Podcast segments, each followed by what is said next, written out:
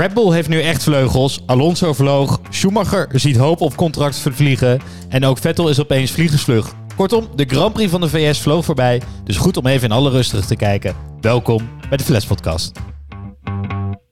You need to go. You need to go. Bottas is coming. uh, last year uh, for two points. Uh, I mean, I think that touched uh, the whole paddock, you know. So Mikey, blue flags. Even kijken hoe Tom die race beleefd heeft. Normaal.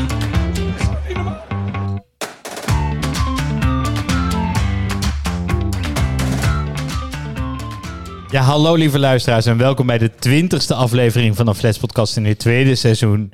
Waarin de meest amateuristische experts van Nederland je bijpraten over de zin en vooral natuurlijk ook de onzin van de afgelopen Grand Prix. De Grand Prix van de Verenigde Staten. En ik zit hier aan tafel met mijn vaste co-presentatoren Pien en Peet. Jongens, wederom welkom. Howdy. En mijn dame Howdy. en heer. Howdy. Zou ik meteen met bijzonder slecht nieuws eh, eh, in huis vallen? Ja. Er is dus zoiets als de Dutch Podcast Awards. Kwam ik achter. Oké. Ja, dus ik denk, nou, hé, toch even kijken. Ik naar die website. Blijkt dus dat de genomineerden zijn al bekendgemaakt. Ook in de categorie sport. Verdorie. We staan er niet bij. Shit. Wat onverwacht eigenlijk. Heel onverwacht. Ik heb dus stiekem ook gekeken eh, toen jij dit, dit zei tegen mij. En er zijn dus drie van de vijf genomineerden in de sportcategorie zijn Formule 1 podcast. Dat meen je. Ja, Ja. Met andere woorden, We hadden gewoon kans gemaakt. je moet het echt heel slecht doen om daar niet tussen te staan. En that's us. That's us. Dus, de markt is aan het groeien, maar eh, we, we hebben nog een lange weg te gaan. Ja, heel lange weg. En ik zat te denken, laten we hier dan ook maar een evaluatiegesprek van maken ter plekke. Spien, wat ga jij anders doen om ervoor te zorgen dat we in dat lijstje terechtkomen? Pas. Peet? Nou ja, misschien moet ik dan toch maar weer eens eh, mezelf gaan eh, herpositioneren op sociale media. Want daar ben ik eh, al een paar jaar onzichtbaar. En misschien eh, toch wat meer onszelf verkopen. hè? Je herpositioneren op sociale Ja, een soort van rentree maken. Jezus. Dat impliceert dat je überhaupt ooit gepositioneerd hebt op social media. Ja, je zou niet, eh, je kan het je niet voorstellen, Pien, maar het is ooit eh, geweest. En jij Bram? Nou ja, eh, onszelf verkopen. Ik blijf doen, het ligt aan jullie. Jij ik blijft doen wat je ik blijf doen wat ik doe. ja, dat is heel duidelijk toch? hey, wij, eh, de Verenigde Staten, we moesten er eh, lang voor opblijven. Eh, maar wel lekker zo'n avondraceje. Eh, wij gaan zoals altijd de uitslag van boven naar beneden door. En dan kijken we even bij wie we stilstaan.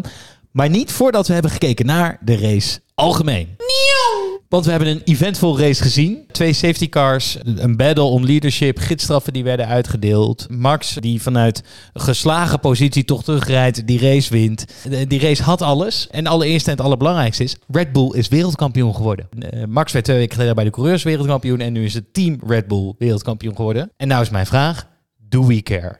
Nou, Ik zat hier dus ook over na te denken. Is het omdat wij dus om, omdat ik dan bijvoorbeeld verwend ben, of is het echt wel zoveel minder boeiend? Ja, ik had echt, het, het is geen vleugje emotie gaat er door me heen eigenlijk. Nou, enige- Ja, ja, ik vind het dus wel. eh, ik snap wat je bedoelt. Die andere, hè, de, de Drivers eh, Championship, die heeft veel meer allure. Maar het is voor mij wel een belangrijk onderdeel van de sport. Want anders is het alleen maar de individuele prestatie. En Formule 1 is ook gewoon techniek en het team. En dat is natuurlijk wel waar de ode. Dit is de ode aan het team. Dat is die constructeurstitel. En ja, die heeft wat minder eh seksappeal dan die andere titel. Maar hij is net zo belangrijk, wat mij betreft. Ja, dat, is, dat is het hoofd dat spreekt. Ja, Dat snap ik. Maar En nu mijn hart. P, wat Het zeg je hart. hart? mijn hart zeg ik van de gereed aan gisteren. Behalve toen het hele team bij Shaquille O'Neal in de auto mocht. Toen ging mijn hart wel wat sneller kloppen. Dat was mooi. Dat was mooi. Nou, maar het voelt een beetje alsof je zou zeggen van nou, we hebben de eredivisie en dan de beste club wint. Maar we doen ook een prijs voor zeg maar alle teams uit Rotterdam bij elkaar en dan alle teams uit Amsterdam en regio bij elkaar. En dat wordt ook een prijs of zo. Nou ja, nee. Snap je? Je hebt gewoon een individuele coureurstand en dan tel je die bij elkaar op en dan heb je opeens een constructeurkampioenschap. Dat is een beetje een secundair of zo. Ja, dat is ook waar. Het is zeker waar. Alleen het is natuurlijk, dit was wel een bijzonder moment, omdat er gewoon voor het eerst in dit tijdperk een einde is gemaakt aan de hegemonie van Mercedes. Ja, nu pas is er een eind Dus dat- gemaakt aan dat is Mercedes. wel inderdaad. Wat een Interessant. feestje waard is in principe. Ja. Ja, en Ja. Dat, dat moet jij al En we helemaal hebben dat, vinden. Dat zouden we bijna vergeten. Maar qua constructeurs was inderdaad de hegemonie van Mercedes nog niet eh, geëindigd. Nee, dus het is een mooie comeback voor Red Bull. En natuurlijk, ik vind ook wel teams die worden echt te weinig onderbelicht. Er werken gewoon meer dan 800 man werken daar. Dus Te weinig onderbelicht. Te weinig. te weinig. Kortom, we don't care. We don't care, precies, ja. Eh, en dan zat ik dus te denken, ja, Verstappen wint die race. Maar toen zat ik eventjes zo een beetje weg te dromen, want ja, hè, hij is ook kampioen. Dus ja, je kan ook nog even aan andere dingen denken in plaats van op het puntje van je stoel zitten. En ik dacht nou, stel nou dat Verstappen niet meegedaan had in dit wereldkampioenschap. Dan had je dus een ziek spannende strijd gehad tussen Perez, twee Ferrari-coureurs en twee Mercedes-coureurs over wie er zeg maar kampioen zou worden. Het zou zeg maar een epic battle zijn zoals we nog nooit gezien hebben.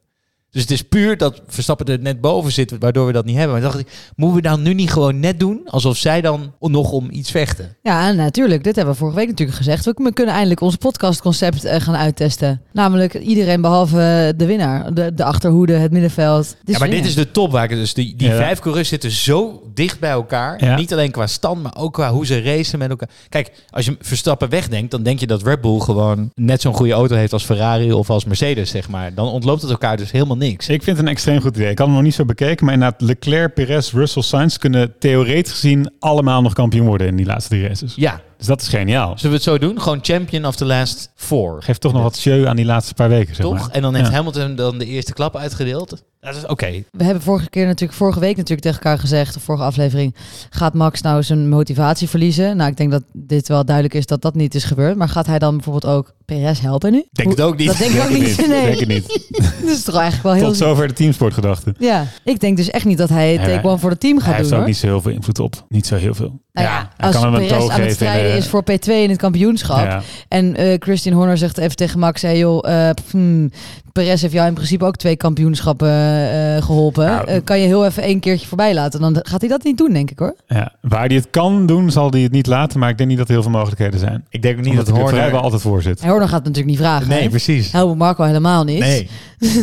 Die, die hebben hun, eh, hun golden boy Verstappen. Ja, nee, tuurlijk. Nou, Op een gouden schaaltje. Oké. Eh, Gurken Dream. Hey Peter, even een vraagje. Ja. Stel nou, hè, eh Bernard van Oranje, circuit-eigenaar van Zandvoort, komt naar je toe en zegt: Peter, wil jij niet die race afvlaggen van mij volgend jaar in Zandvoort? ja. Hoe blij ben je dan? Als een kind. Als een kind, toch? Als een kind zo blij. Heb jij die gast gezien die die race afgevlacht heeft? Nou, ik, ik, weet, ik, ik weet waar je naartoe wilt, maar dat was echt, echt verschrikkelijk. Hè? Tim Cook, CEO Apple. En die staat daar toch lullig te zwaaien? Ja, Maar, maar, maar, maar echt alsof hij met een Swiffer dust Maar afnemer, inderdaad. zeg maar, het, het, kastje van zijn overgrootoma Ja, aan het afstoffen is. Kon echt niet. Maar hij, had ook een, hij trok er een gezicht bij, hij had er ook echt geen zin in. Ja, maar een soort bril van AliExpress, dat zei jij gisteren ook. Dat zag er ook echt niet uit.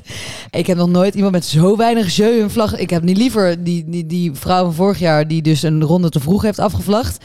Dan Tim Cook die daar staat alsof hij een of andere verplichte aandeelhoudersmeeting aan het doen is. Ja, heel ernstig. Oké, en dan eh, Pien in deze categorie. Jij wilde ook nog even iets kwijt over het volkslied. Nou ja, zeker. Ik, ik wil toch hebben. We zijn nu even terug aan het terugblikken op een mooie race. En ik wilde jullie heel even nog een keer laten nagenieten van het volkslied. En ik heb het mooiste stukje van het volkslied meegenomen voor jullie om nog even van na te genieten. Mocht je in de auto zitten op weg naar je werk in de ochtend en je wordt nog niet helemaal wakker, ja, sorry alvast.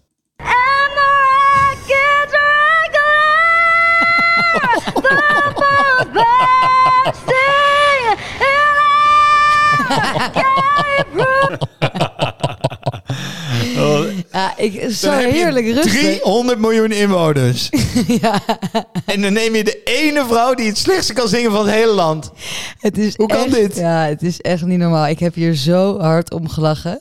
Het was Ja, echt... ik heb hem teruggekeken vanmiddag, omdat jij, eh, omdat ik hem dit, ik wist dat je hier iets mee ging doen. De rest van het daarvoor was het dus wel oké, maar hier ging ze echt totaal fout. in.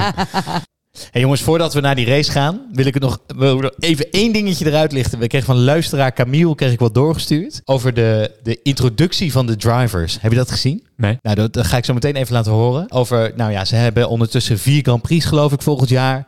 Eh, ze krijgen een Amerikaanse coureur. Gaan we het later over hebben in deze aflevering. Kortom, het zou groeiende zijn binnen Amerika. Let even op hoe die coureurs worden aangekondigd in een soort eh, ja, helden, eh, zeg maar. Iets wat ze ervan proberen Is te het maken. extreem Amerikaans en ga ik ervan walgen? Ja, Zin en bedenk dan ook even dat wij een aflevering hebben besteed aan hoe je Joe uitspreekt. En dat hebben we opgezocht. En nu weten we dat je Joe als Joe uitspreekt. Maar luister even wat zij ervan maken. Finland, Valtteri Bottas. He's joined by a former GP3 champion and the first ever Chinese Grand Prix driver, Jacques Grandjou. Jacques Ranjou. Ah, goed, een long way to go Ze daar doen in het Amerika. erom, ze doen het goed. erom. Eh, dank Camille voor deze tip. Oké, maar sorry, heb je niet nog meer? ja, maar dit fragment duurde een kwartier. Maar oké, ik doe er nog eentje. Nog één. Introductie van Alpine, komt-ie. For the French Alpine team, formerly Renault, two-time champion and winner of 32 Grand Prix, Fernando Alonso. His French teammate is also a Grand Prix winner, Esteban Ocon. Esteban Ocon. Previous race, Formerly known as Ronald. Ronald. Dit kan Alonso. Fernando Alonso. De Grand Prix. Oké, oké, nu gaan we wel echt door met de aflevering. Oh, wat erg. Ik ga dit gewoon zo meteen zelf even doorkijken, denk ik. Oei, oei. Ja, dit was echt genieten. Oké, nou, wat er ook genieten was, was gewoon de race. Eh, Dus ik denk dat we maar even naar de orde van de dag moeten gaan. Eh, de uitslag doorlopen. Ja, Max natuurlijk gewonnen. eh, zoals beloofd, ja, waanzinnig reden. Maar we gaan toch eventjes door naar de nummer twee. Want daar vinden we enigszins toch een verrassing. Hamilton, Peet. Ja, Hamilton kwalificeerde als vijfde, maar startte zondag vanaf de derde plek door grid penalties van Leclerc en Perez. En mede door de uitvalbeurt van uh, polzitter Carlos Sainz in bocht 1 en een slechte pitstop van Verstappen, rijdt Hamilton uh, in ronde 36 opeens aan kop. Ja, en dan gloort er opeens hoop. Kan Lewis dan toch de eerste raceoverwinning van dit jaar voor Mercedes binnenslepen? Uh, het blijkt uiteindelijk valse hoop. De plaaggeest van afgelopen jaar Verstappen gooit ook dit jaar route in het eten en haalt Hamilton uiteindelijk zes ronden voor de finish in om vervolgens zijn koppositie niet meer weg te geven. Ja, en dat leidt een beetje tot een venijnige Hamilton op de boordradio die Verstappen op foutjes probeert te betrappen terwijl hij erachter rijdt. Uh, gap to Verstappen at 1.1. Just went off again. So Max now at three strikes. He went off at turn 20. Uh, copy. Possibly turn 9. Die was echt mijn lievelings. Pas Blit Turn 9. De, de, de audio-kwaliteit is niet super, maar uh, uh, dit was uh, Hamilton die achter Verstappen zit, die hem net ingehaald heeft, om eigenlijk continu bij elke track limit erop te wijzen dat Max mogelijk in de fout ging. Het is een beetje als een jongetje in de klas wat dan steeds zegt, juffrouw, hij kijkt bij me af. Maar terwijl je dus zelf ook afkijkt, hè? Want hij heeft ook gewoon de black and white uh, vlag heeft hij gehad. Dat is nog het mooie eraan. Maar oké, okay, dus even verplaatsen in, in Hamilton. Je hebt het hele jaar nog niets gewonnen. Je team heeft sinds 2011 nog nooit een seizoen zonder overwinning gehad. Begrijpen jullie ook niet een klein beetje deze frustratie? Ja, tuurlijk begrijp ik de frustratie. Maar het is gewoon heel grappig. Want hij is het hele seizoen is hij al heel volwassen en heel rustig en kalm over hoe het nu met hun gaat en zo. En op het moment dat hij dus weer ergens een overwinningje ruikt, dan wordt hij dus weer zo kinderachtig. Dat vond ik dus heel grappig om te zien. Ik begrijp zijn frustratie, tuurlijk. Ja, maar wees gewoon een stone cold, weet je wel. Zoals Alonso. Die geeft nooit een kick. Nee. Die klaagt nooit, weet je wel. Die zit er wel af en toe een vingertje, zwaait hij. Maar hij zegt nooit wat over die boordradio. Maar ja, nou, natuurlijk is het frustrerend. Ik bedoel, dit was ook zijn beste kans om nog een overwinning te halen, hè, deze ja, race. maar even serieus. Het, het, hadden jullie één seconde het gevoel dat hij hem zou kunnen winnen? Nou, het was natuurlijk wel zo dat hij op harde banden reed en Max op geel. Dus het was even... Het, het zou kunnen dat, dat Max zijn gele banden zou opbroken achter Leclerc, die hij ook nog moest inhalen na die slechte pitstop. En dat Hamilton in die laatste ronde zou profiteren van de, zeg maar, de, de harde band die in werking treedt. Dus ik was er niet helemaal zeker van, nee. Ja, Peet. Kijk, dit is het hoofd. Maar wat zei je hart? Hard, maar wat zei je hart? nee, ja, uh, ja, je gaat er tegenwoordig kun je ervan uitgaan dat, dat Verstappen langs gaat. Maar het was, uh, dit was echt zo dichtbij voor, voor Hamilton dat ik de frustratie wel snap. Ja, en ik moet zeggen, en dat merkte ik dus wel gisteren. Ik merk dus dat die, die spanning tussen Lewis en Max van vorig seizoen, dat ik dat er wel een klein beetje gemist heb. Want er zit toch iets meer competitie, iets meer venijn in die duels dan Max en Leclerc. Ja, het voelt toch anders. Ervaren jullie ook dat verschil? Ik was weer even terug in vorig jaar. Ja. Dat vond ik wel het leuke aan die strijd van gisteren. Eens, want Leclerc heb je toch eigenlijk ooit naar, nooit ergens echt serieus genomen, merk je dan nu. Terwijl als je dus deze twee nu weer met elkaar ziet racen, dan krijg je weer helemaal een beetje zenuwen, net als voor. Maar ja, dat komt natuurlijk ook door precies. vorig jaar. Ja, maar dat zei mijn hart. Ja, maar ik heb vooral zenuwen dat ze elkaar eraf knallen. Ja, nee. En dat is niet echt leuke zenuwen. Ja, dat, maar dat, ook dat is spanning. ja, dat klopt. Nee, ja, dat klopt. Maar, maar dat, dat, is een beetje spanning als de VAR en wachten op een uitsluitsel van de VAR. Weet je, ja, spanning die je niet echt wil. Nee, maar het zijn, het zijn duels die wel wat extra, wat extra bieden. Dat, het, is meer, het voelt voor mij ja, uh, als, staat als iets op. meer dan, ja, ja, dan, dan, wat, dan, dan Max die achter Leclerc zit. Het is Feyenoord Ajax. Ik zit goed in de voetbalvergelijking. Ja, dat is inderdaad waar. Maar het is wel waar. Maar wat ik denk ik wel durf te zeggen is dat dit wel eigenlijk de enige kans was van Hamilton om iets te winnen. Want hierna, ze hadden nu hadden ze upgrades meegenomen. Dit zijn hun laatste upgrades ook van het seizoen. Uh, hier zou het, ook het beste moeten werken. Dat hele pakket van ze. Ja, dus hierna gaat het niet veel beter worden. Er moet echt veel misgaan bij Red Bull en bij Ferrari willen ze de kans maken om nog een overwinning binnen te slepen. Ja, maar hij heeft toch een ziek goede race gereden? Nee, eens. Je doet alsof hij heel slechte race had. Nee, helemaal niet. Maar ik bedoel meer de auto gaat hem niet meer geven dan nu. Dus hij heeft het maximale eruit gehaald en alsnog niet gewonnen. En het gaat ook niet gebeuren. Dat ja, maar hij heeft wel Ferraris fair and square verslagen. punt. Ja, die had natuurlijk wel een beetje issues. Hij heeft zijn teamgenoot fair and square verslagen. Perez fair and square verslagen. Dus Ja, ja, Ja, en hij, ik denk dus eh, dat dit zijn hoogtepunt ja. was. En ja, dat het maar nou als niet Max, eh, als Max één keer, eh, weet ik veel, een keertje moet zeiken tijdens de race naar binnen rent, ja, dan misschien wint hij. Ja, who knows. En ik vond hem lekker eh, strijdbaar na de race. Dus hij heeft ook nog gezegd, als het team mij een goede auto geeft voor 2023, dan breng ik me naar de top. Dus eh, ik vind het, eh, ja, complimenten wel van, eh, voor Hamilton, wat mij betreft, voor dit weekend. Ja. De omgekeerde quote hoor je nooit, hè? Wat? Zeg, nou, het team kan mij wel een goede auto geven, maar ik ga er niks meer doen. Nee, inderdaad. Hey, we gaan eh, verder met de volgende coureur, eh, die ook wel raad weet met een auto. En dat is op P7. P7, ja. Fernando Alonso. Tja, want dit was wat. Oké, even een kleine resume. Alonso kwalificeerde P9, startte op P14, rijdt de top 10 in naar P7, crasht omdat Stroll even besluit opeens eventjes de stuur te veranderen. Maakt een wheelie, verliest zijn voorvleugel, heeft bandenschade, heeft suspensionschade, gaat in principe ongeveer bijna dood. Rijdt door, god weet hoe, maakt een pitstop, herstelt de schade, komt terug op P17, verliest zijn rechterspiegel door de crash en finisht P7. Nu denk je, oh mijn god, wat is dit een rollercoaster. Nou, Alonso die was eigenlijk nog best wel rustig na de race. Yeah, after the accident, honestly, I thought to retire the car in that corner because I thought it has to be broken somewhere. Uh, they changed the tires, the front wing, and uh, I still not believing, trusting the team that everything was fine. Uh, but yeah, uh, we finished the race. We made only that stop because it was 32 laps to the end, and uh, we managed to finish the race. So it was it was quite amazing at the end. Nou, heel rustig. En denk je, wat een ongelofelijke rollercoaster. Ja, en wat jullie nog een, even reageren? Want ik ga nog zo meteen... Het verhaal heeft nog een staartje. ja, wat een baas, toch? Weer de gewoon super stone cold. Niet normaal. Dit is dus wat je bedoelde net. Bij het verschil met Hamilton en hij. En wat ik dus wel hilarisch vind, nou, wat hij dus wel, hij kan natuurlijk wel heel venijnig, gecontroleerd venijnig uit de hoek komen, Ja. richting Hamilton bijvoorbeeld. Dus ik ging er al lekker voor zitten, bakje popcorn erbij, weet je wel. Hoe gaat die Stroll afmaken na die race? Nou, hij was heel rustig. Dat is natuurlijk Ja. zijn teamgenoot volgend jaar, dus hij mag niks zeggen. Oh ja, inderdaad. Ja, ja, ja, ja. Dus hij heeft natuurlijk eh, die Spaanse tong van hem doormidden staan bijten. Want dat was een enorme Mongolen actie van Stroll. Niet hij, normaal. heeft, hij heeft dus gezegd, het was een race incident wat mij betreft. Oh, ik heb er zo, zo helemaal nog niet over nagedacht. Dat dit natuurlijk gewoon daarom... Ik vond hem al- extreem aardig. Want hij werd Stroll wordt helemaal afgemaakt door alle experts. En inderdaad door Alonso niet. Maar dat is natuurlijk de reden. Want de Zijn- pa- papa Stroll die moet volgend jaar een paar miljoen aan Fernando overmaken. Dus ja, En die Stroll nog beweren na de race dat het niet zijn fout was, hè? ja, Ja, daar- ja, ja, dat kan je dan dus doen, want die krijgt geen tegenspraak. Ja, ja, ja. Oh, wat ongelooflijk. Maar goed, het is helaas niet zo goed geëindigd als we hadden gehoopt. Want dit was natuurlijk wel een episch einde van een race van hoe dit ooit gebeurd is. Sainz die gaat eraf met één mini-tikje en hij gaat gewoon door terwijl hij ongeveer een lowrider wheelie heeft gemaakt, eh, een paar honderd meter. Zo waar. Maar goed, eh, wat gebeurde er? Haas werd boos. Want eh, Magnussen, die heeft al twee keer de meatball flag gehad. Hebben we natuurlijk eerder uitgelegd. Dan moet je naar binnen omdat er schade aan je auto zit en het is niet veilig om te racen. Dus die hebben een klacht ingediend bij de FIA over Perez, maar die is vrijgesproken, en over Alonso.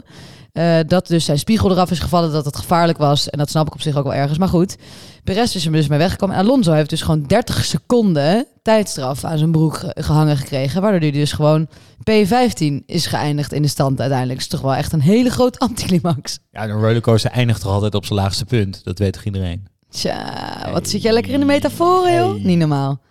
Maar goed, ja, dus het is helaas niet zo'n heel heroïsch einde als we hadden gezien gisteravond. Ik vind het toch wel jammer, merk ik. Ja, en, ja. ja. ja, ja, en de, Heb je nog een vraag? Of, eh, Nee, ja, nee, dat was het Nou ja, eigenlijk. de, de vraag is misschien of, of die straf eh, terecht is voor, voor eh, Alonso. Je merkte na die race wel het sentiment in de Formule 1 wil dat je eigenlijk die man die straf niet kunt geven. En dan moest ik ook een beetje denken aan eh, het voetbal waar de scheidsrechter soms een beetje de wedstrijd mag aanvoelen, een optelsom, hè, toch een beetje het verloop van de race meeneemt in je uiteindelijke beslissing. Maar dat, dat is hier dus weg. Deze man rijdt inderdaad echt een van de meest heroïsche races uit de carrière en krijgt alsnog zoveel straf. Dat is, voelt totaal onterecht. Ja, maar het is ook wel. Ik snap dus ook wel dat Magnussen bijvoorbeeld of Haas in ieder geval boos was. Ik vind het Ja. dan wel weer gek dat Perez dan geen penalty krijgt. Ik bedoel, we gaan de jingle niet instarten, maar hij heeft in principe heeft Magnussen precies dezelfde schade en moest hij naar binnen. En Perez hoefde dat weer niet. Dus nou ja, Klopt. goed. veel Ja, nee, verwarring terecht, over de eh, van Haas. Ja. Ik kwam dus laatst nog een fragmentje tegen bij eh, eh, Zondag met Lubach. En dat, eh, ik denk de verwarring van de FIA werd daar heel goed samengevat. Maar je ziet dus, Formule 1 is eigenlijk een soort eh, religie. Hè? Alles wordt gebaseerd op één boek dat niemand echt goed gelezen heeft. En dan krijg je verwarring. Ja, ja het is inderdaad. Ja. Ja, hè, toch duidelijkheid, inderdaad. Top Mensen samenvatting. moeten gewoon weer even beter dat boek gaan lezen. Hey, iemand bij wie het ook niet helemaal mee zat eh, in de race is Sebastian Vettel. Die vinden we terug op P8. Ja, en die Vettel die heeft het sinds Suzuka toch wel echt in zijn bol. Kwalificeert zaterdag als twaalfde, start op zondag als tiende. En als onze echte podcast Oogappel pakt hij er binnen de eerste ronde vijf plaatsen winst. Plant zijn eerste pitstop onder de safety car en zijn tweede pitstop zo laat dat hij op een gegeven moment gewoon letterlijk aan kop rijdt. En dat is om twee re- redenen uniek. Eén, hij rijdt in een Aston Martin. En twee, hij passeert ook nog eens de grens van 3500 ronden die hij in zijn carrière aan kop heeft gereden in de Formule 1. Maar dan, eh, ja, dan gebeurt dit. Sebastian Vettel into the pits then. And he's going to come out behind Sergio Perez and George Slow, Russell. slow, it's he slow get- on the front It left. is slow. Oh, they can't It get the front slow. left actually on. Now they have to Oh, jack no. the car back up. Oh dear, this could have been a podium position. The car is jacked back up. Now they need to drop it so they can go. Ja, dus Vettels team Aston Martin presteert het hier om eh, zijn tweede pitstop echt totaal te verkloten. En Vettel valt terug van P1 naar P13 met nog 14 ronden te gaan. Maar dan begint het, het helder verhaal. Vettel rijdt stap voor stap terug naar P8 en met als klap op de vuurpijl eh, maakt hij ook nog echt een hele dikke inhaalactie op Kevin Magnussen in de laatste paar bochten van de race en maakt zichzelf eigenlijk onsterfelijk. Eh, jongens, wat mij opvalt, hoe langer de haren van Sebastian Vettel worden, hoe beter die gaat rijden. Moeten we niet, eh zat ik net met eh, Brand eh eh, bekokst over Pien, moeten we niet een crowdfunding ac- actie omzetten om deze man nog een jaar in de sport te houden? Ja, dat kunnen we wel doen. Het is toch ongelooflijk hoe goed deze man die gaat rijden. Hoeveel zou die willen? Hoeveel hij zou willen, ja. zeg hoeveel het maar. haar hij zou willen of hoeveel geld hij zou willen. Haarimplantatie. Ja. Wat kost dat tegenwoordig? Er is nog wel een adresje, ken ik wel in Turkije ergens voor. Het was wel heartbreak, toch, die pitstop? Het was echt heel erg. Maar maar hij had echt op het podium kunnen Ja, finishen. nee, je hoort het in het commentaar. Ja, hij zat, eh, ja, hij zat, hij zat voor iedereen. Hij had, ik weet niet precies waar hij was uitgekomen met, met de 20 seconden window, maar hij had inderdaad eh, richting het podium kunnen rijden. Dat was al eh, wel heel gaaf geweest. Vettel in een van zijn allerlaatste races op het podium. Ja. Verkloot door het team. Zo, dat is wel goed voor het hart, hè? Dat zegt het hoofd iets anders. Maar die S, ja, precies. Ja, het, het, voor het hart. Het hart doet pijn. Ja, mijn hart brak wel een beetje, hoor. Dat is, oh ja, ik vond het echt heel erg. Maar goed, ze waren niet de enige die de linker voorband hadden verkloot. Misschien dat ze de heeft van Red Bull geleend. Waar halen die gas opeens snelheid vandaan? Zij stonden voor de zomerstop nog negen, hè? Ja, Aston Martin. Suzuka was, waren ze ook waanzinnig. Hoeveel staan ze nu? Zevende. In de constructeurs in ieder geval. Ja, dat Dus, kampioenschap wat er niet toe doet volgens ons. Dat ene, ja, nee, ze hebben echt hele grote sprongen gemaakt. Want laten we, Stroll, ja, die is uitgevallen natuurlijk door zijn eigen fout wel. Maar die was het hele weekend ook wel echt heel lekker bezig. Die stond gewoon in de top 6 volgens mij, Ja. voordat hij uitviel. Ja, ze- dus er ze is hebben- er wel iets van vooruitgang Ja, er geweest. is daar snelheid team. teruggevonden ja, met, de, met de laatste paar upgrades. Dus dat zal eh, Fernando Alonso goed doen. Maar ze staan inderdaad nog één puntje achter Alfa Romeo. En dan, eh, als ze daar overheen komen, en dat lijkt me best wel een reële optie zo, eh, dan staan ze op plaats 6. En dan hebben ze de schade toch best wel beperkt weten te houden. Dat zagen wij de eerste seizoen zelf totaal niet aankomen, denk ik. Nee. Dat is een van de weinige dingen die we niet zagen aankomen. Oké, wat we wel heel goed aanzien komen, eh, is dat wij halverwege onze punten de rubriek buiten de baan hebben. Can you stay out on this condition? Can you stay out?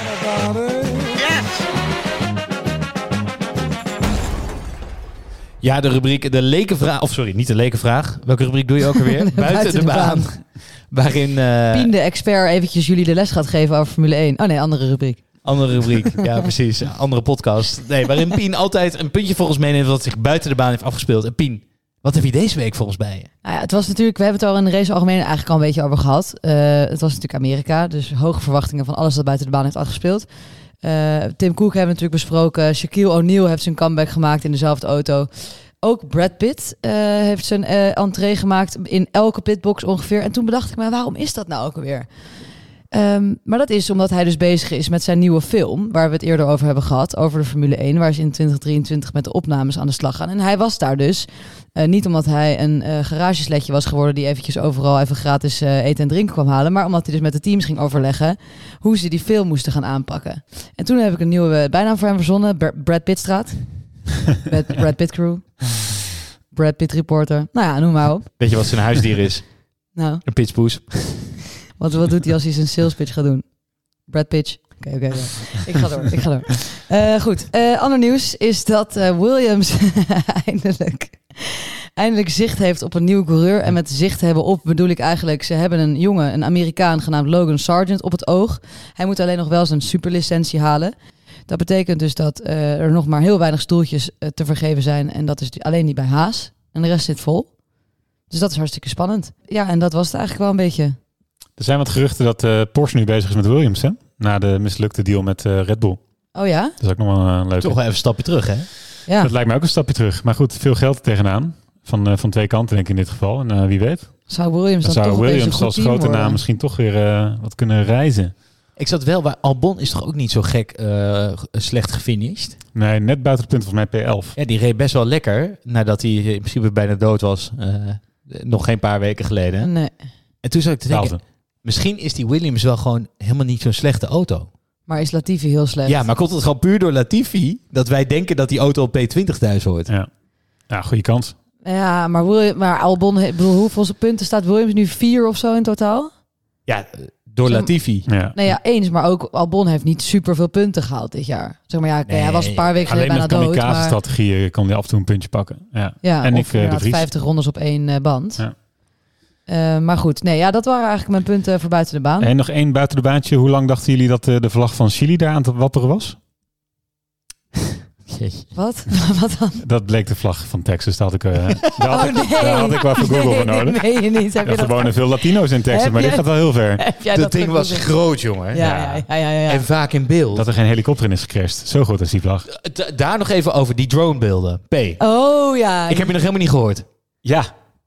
Wat was dat voor amateur? Nou, Ja, maar die heb wat- ik maar één keer gezien. Is dat vaker in beeld geweest? Ja. Twee of drie keer heb ik naar een zandpad gekeken. Ja. Rechts in mijn beeld een klein beetje Formule 1 auto. Het is een beetje als Pirelli die bandentest voor volgend jaar. Hebben zij op de zondag bedacht, laten we deze eh, hobbyist eh, dronevlieger even eh, een paar pilots doen voor Nou volgend ja. jaar. Misschien is het dan leuk. En niet eens een goeie, want hij kon die bochten niet eens maken. Nee. Dus je, dan, dan keek je al een beetje aan relax mee met zo'n drone. Op, pring, en dan ging je dus gewoon zo plotseling zo naar links. Nou, het Dus was erger dan de helmcam.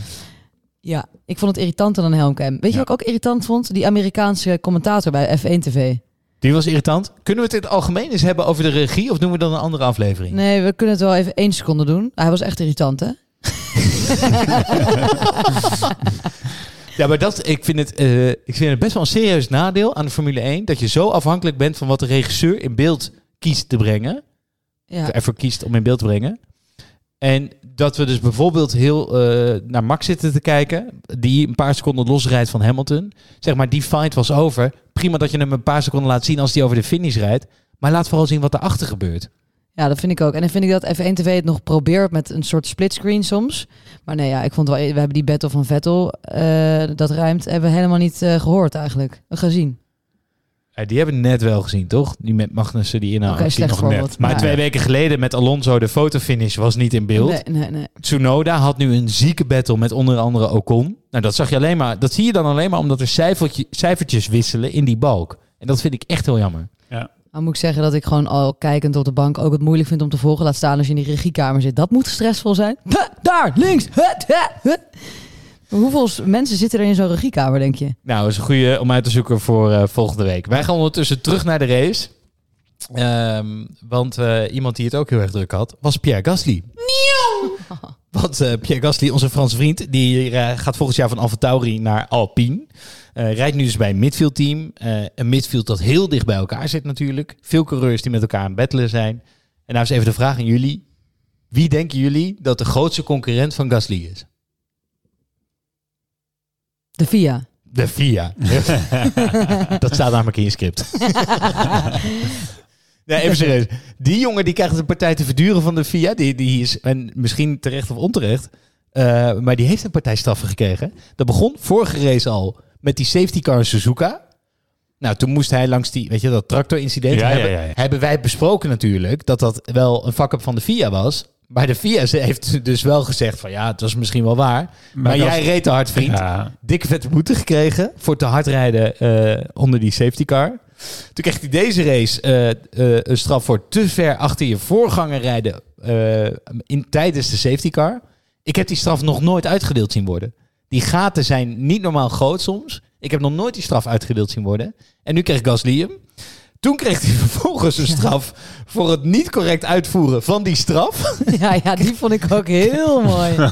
Kreeg hij weer 10 seconden aan zijn Oh. broek. For serving your penalty incorrectly, hè? En toen kreeg hij nog een waarschuwing op de koof toe voor track limits.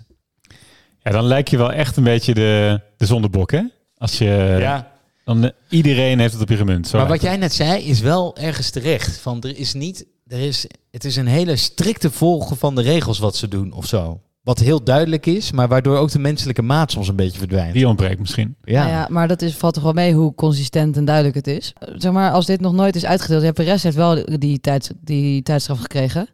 Voor de safety car te lang daarachter rijden. Vorige race. Ja. Kijk, Perez zit dan ook nog achter de safety car zelf. Ja. Ja, maar daarachter ja, ja. is natuurlijk een enorm harmonica-effect. Ja. Dus ik heb nog nooit gezien dat ze daar strikt op zijn. Misschien beginnen ze nu weer met consistent eh, toe te passen en dan valt het op. Ja, of hij heeft gewoon een, iemand ziek beledigd bij die stewards. ja, ja, sluit en ik die, niet is, uit. die heeft nu gewoon een Gasly-cam heeft hij rechts aanstaan. Kijken Ja, of hij weer wat, eh, wat kan pakken. Is degene waarmee hij ruzie had met Red Bull toevallig bij de FIA gaan werken? Oh ja. Ja, hij heeft dus wel inderdaad natuurlijk een handje van geen vrienden maken. Ja, dat wordt leuk volgend jaar. Dat brengt me wel een beetje bij het volgende punt, waar mijn laptop bijna van tafel eh, valt. Eh, ja, het resultaat was trouwens dat hij gewoon op P7 lag, maar door dit hele geintje gewoon ver buiten de, de finish, eh, buiten de puntige finish is. Maar, maar hij, zit, hij zat dus al vrij hoog in de frustratie. En ik weet niet wat dat is. Misschien is het omdat hij naar Alpine gaat. Dat hij denkt van, eh I burn all my bridges. Eh, misschien eh, heeft hij gewoon iets van zijn teamgenoot opgepakt. Hè? Het wandelende kruid van Tsunoda. Maar luister even mee naar zijn boordradio na de kwalificatie. Got him. Again, the same shit. For fuck's sake. Why do we keep having this problem? Turn 111 is the same shit. I want to see the, the guy, I don't care who it is with the fucking brakes. I want to see him now. Second weekend, he fucking ruins my weekend. Wat? Maar als je die guy bent van de brakes, hij klaagt over zijn remmen, voor de context. Dan zit je nu toch op een onbekend adres met je familie te schuilen in een of andere bunker.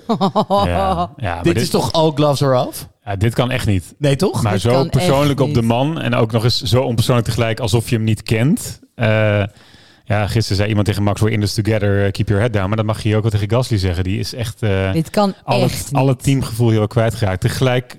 En, de, en daarnaast, dat hoorde je ook wel dit weekend, moet hij ook wel op zichzelf letten. Want Tsunoda lijkt minder last te hebben gehad van die remmen. Dus er zal ongetwijfeld iets niet goed zijn in die remmen. Hè? Ter, ter verdediging van Gasly. Maar Tsunoda, zijn teamgenoot, heeft er minder problemen mee. Dus, dus ja, blijf ook vooral zelf kritisch. Rest de vraag, waarom heeft deze man inderdaad zo'n grote prikkel, eh prikkel gehad op dit moment? Waarschijnlijk omdat en de VIA hem eh, niet goed gezind is. En ik denk, en dat weet Ik denk omdat hij weggaat. Omdat hij weggaat, we horen het vaker bij vertrekkende coureurs. Je krijgt niets meer mee, of in ieder geval veel minder mee van bepaalde strategieën, van teambesprekingen. Dus ja, misschien is hij er gewoon helemaal klaar mee. En hij is gewoon wel goed in fitty maken volgens mij. Nou, dat Daar brengt, komen we wel eh, steeds meer achter. Ja, en dat brengt mij eventjes eh, Bij de volgende fitty. bij de volgende fitty, eh, bij de lekenvraag van de week. Uh, Michael, I just send you an email um, with the diagrams where the car should be. Did you receive that? Uh, yeah, then you should maybe look at this because there is something with the rules uh, coming up.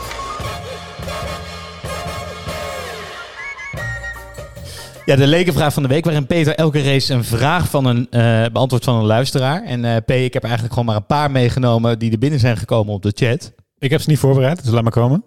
De, de eerste gaat dus over Gasly en dat is van Niels Spelen. En die vraagt zich af waarom wij denken dat Ocon en Gasly mot met elkaar gaan krijgen. Want Max en Charles zijn nu toch ook oké? Ja, dus het politiek incorrecte antwoord daarop is dat het eh, twee Fransen zijn. Maar, laat ik hem- Juist. maar, laat ik Hey. maar dat is, eh, zoals je merkt, ook een beetje de sentiment hier soms aan tafel. Ja, iets verder daarop ingaan. We weten dat Ocon eh, ehm, niet de meest makkelijke is met een aantal coureurs waaronder Verstappen conflicten heeft gehad in het verleden. Gasly hebben eigenlijk net het, misschien wel een soort van zijn echte waarheid eh, gehoord. Ehm, ja, en het zijn volgens mij niet de allergrootste teamspelers. Nee, volgens mij, eh, ik denk dat Brad Pitt, dit, hier kan je een film van maken. Want dit waren dus jeugdvrienden. Ze komen allebei uit Normandië, Frankrijk. Ze zijn dus tegelijkertijd begonnen in het karten. Ze waren dikke maten. Maar ze hebben dus ergens heel erg ruzie gekregen in hun jeugd. Ik Ik snap dan niet waarom dit... Ah, trouwens, dat is nu pas relevant omdat ze teamgenoten worden natuurlijk. Ja. Dat Netflix zeg maar een hele saga in Rusland over Mazepin wel kan verzinnen, maar dit niet. Nee, dat komt nu dus. Dat komt nu Daar dus kun je gewoon een seizoen seizoen. mee vullen. En dus die schnauf, van Alpine. Ze hebben echt aan Ocon gevraagd of hij er oké mee was dat Gasly zou komen. Omdat ze weten dat ze elkaars bloed kunnen drinken. Dat is bizar, Maar hè? we weten dus niet wat er gebeurd is, hè? Goede tijden. Hm. Eh, de volgende vraag die kwam binnen van C14. Eh, en die luidt als volgt. Is dat Eh, zijn naam in zijn paspoort? ja, geen idee. Ja, jij geeft dit allemaal aan mij door, hè, Pien? Eh, krijgt Angela Cullen geen stepje omdat het niet binnen de kostcap valt? Ja, hele goede vraag. En ik denk dat als Mercedes nog, eh, eh, er nu achter komt dat er gewoon prima een deal met de Fiat te maken valt door Red Bull, dan kan dat stepje er volgend jaar ook wel vanaf. Ja. Ik denk dat het bij de outfit van Hamilton hoort. Dus Ja. niemand mag een stepje behalve Hamilton. Dat zou kunnen. Angela Cullen hoort op zich ook wel bij de outfit van Ik vind het ook wel echt iets heel knulligs hebben, toch? Dat je op een elektrisch... Dan rij je dus een, een, de bruutste machine op aarde. Ruim 300 km per uur. Paf, zo over zo'n circuit. En dan ga je op zo'n lullig elektrisch stepje. Maar ja, wat wil je anders? Het is wel handig. Gewoon Wat wil je dan als ze in een bier over dat circuit gaan? tegen je coureur zeggen dat ze je moeten dragen. ter- terwijl je een checkie rookt. Dat wil ik zien. Zoiets, weet ik veel. Je gaat in zo'n elektrisch stepje. Biro, gaat weg man. ik vind overigens wel dat zij er eentje verdient hoor, volgend jaar. Angela Cullen? Angela maar die heeft, heeft een eh, stepje. Oh, ze heeft er wel in. Ja, dus ik moet eh, C14 helaas teleurstellen. Maar Angela Cullen heeft inderdaad een stepje. Oké. Op eigen kosten. Ja, dat denk ik sowieso, ja. Is zij dan de enige binnen Mercedes die zo'n stepje heeft? Eh, ja, volgens mij wel. Naast hem? Oh, dus ik insinueer verder niks. Maar Nee, ik nee, merk nee, alleen nee. op. Ze hebben Ik stel alleen vragen. Ik stel alleen vragen. Slim ben jij. hey, we gaan even terug naar de uitslag van de race. En eh, de laatste coureur die we voor vandaag behandelen... komen we tegen op P15. Schumacher. Shumi, Shumi, Shumi. De kleine Shumi. Hij is aan het vechten voor zijn stoeltje. En het was weer een rollercoaster. Want hij ging wel lekker. Weet je nog, Bram, dat wij tegen elkaar zeiden... of dat jij tegen mij zei...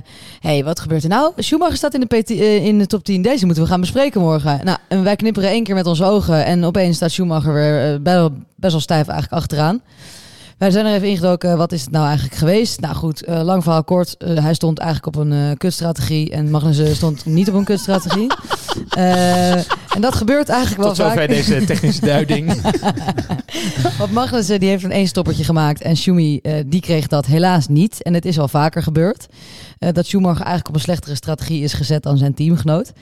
Eh, en ook heeft hij wat schade opgepikt tijdens van al het debris dat van de auto van Fernando Alonso afkwam.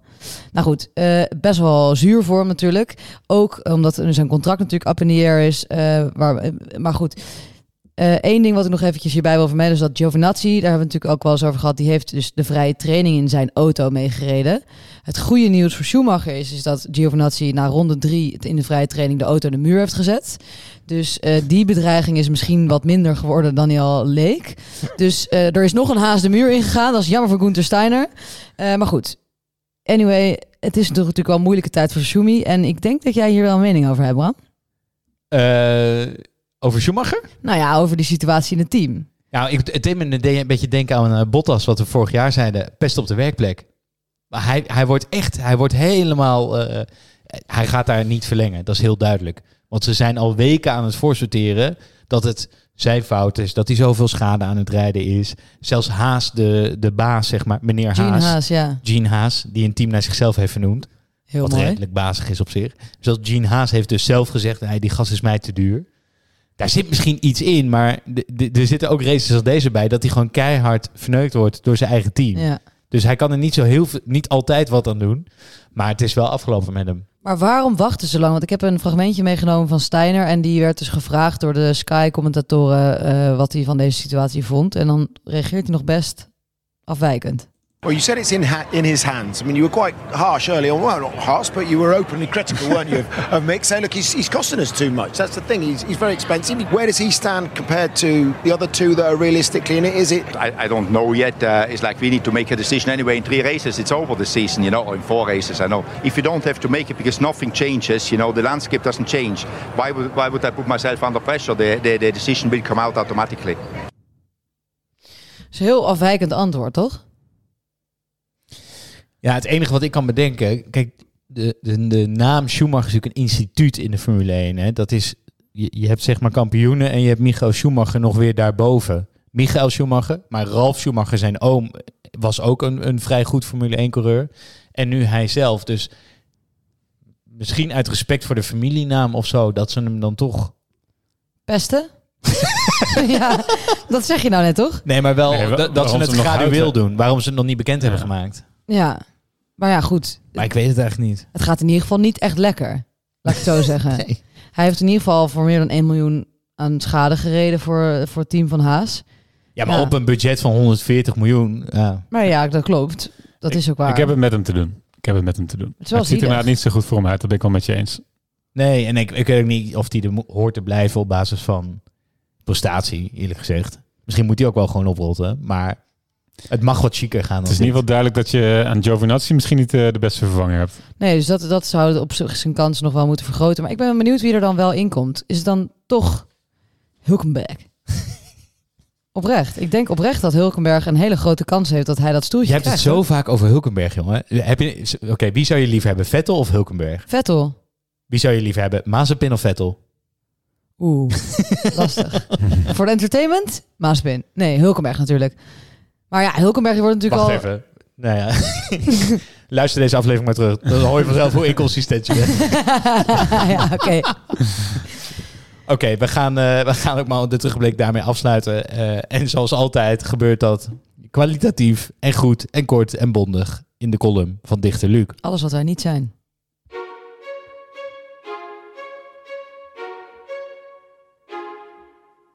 Fernando made it pretty clear. He said you have to leave it the space. All the time you have to leave it the space. Yes.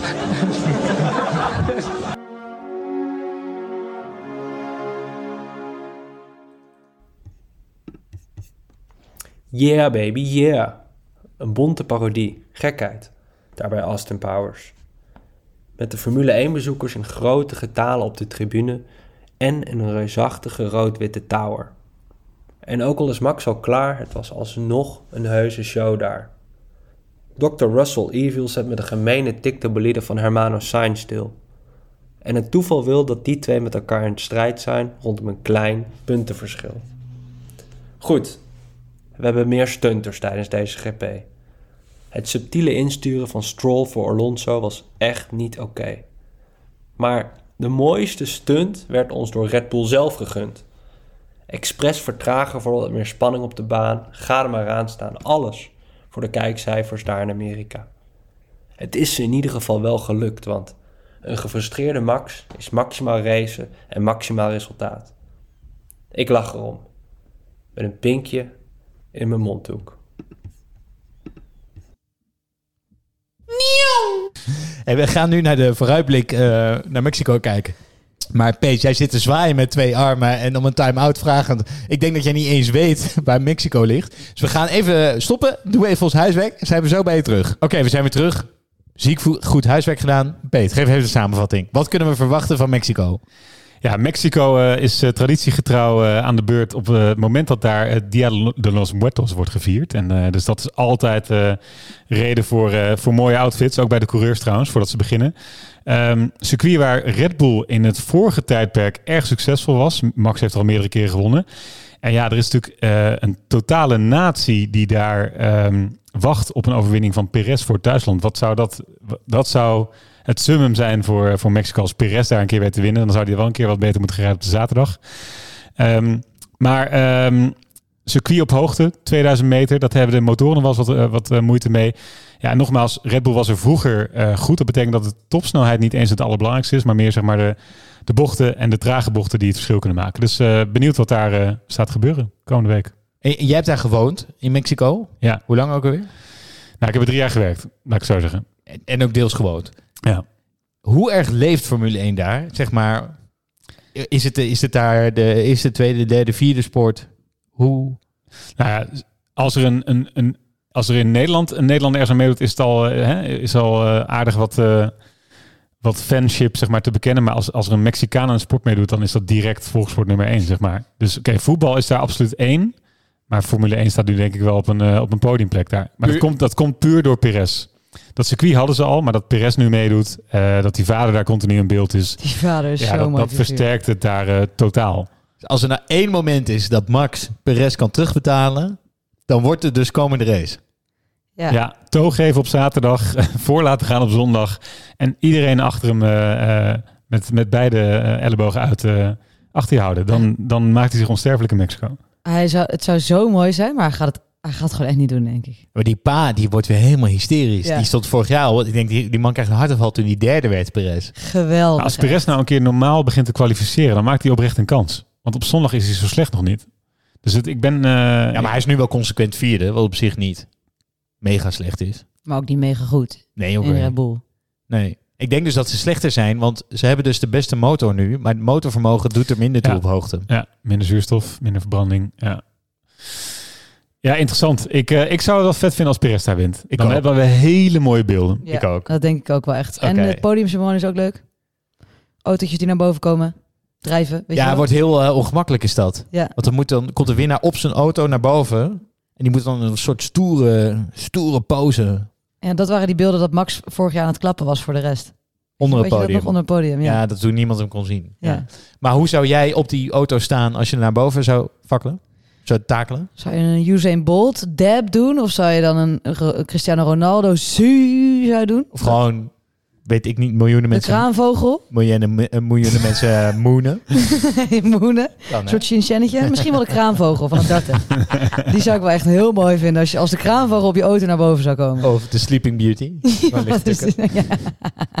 En dan doen alsof je wakker wordt gemaakt door de rest. Ondersteboven in je cockpit zitten en zo je benen eruit laten bungelen. Als een soort synchroon zwemster. Ja, of de show wordt gestolen door je eigen vader, terwijl je naar boven probeert te kijken. Ja, Ja, dat ja. kan ook nog.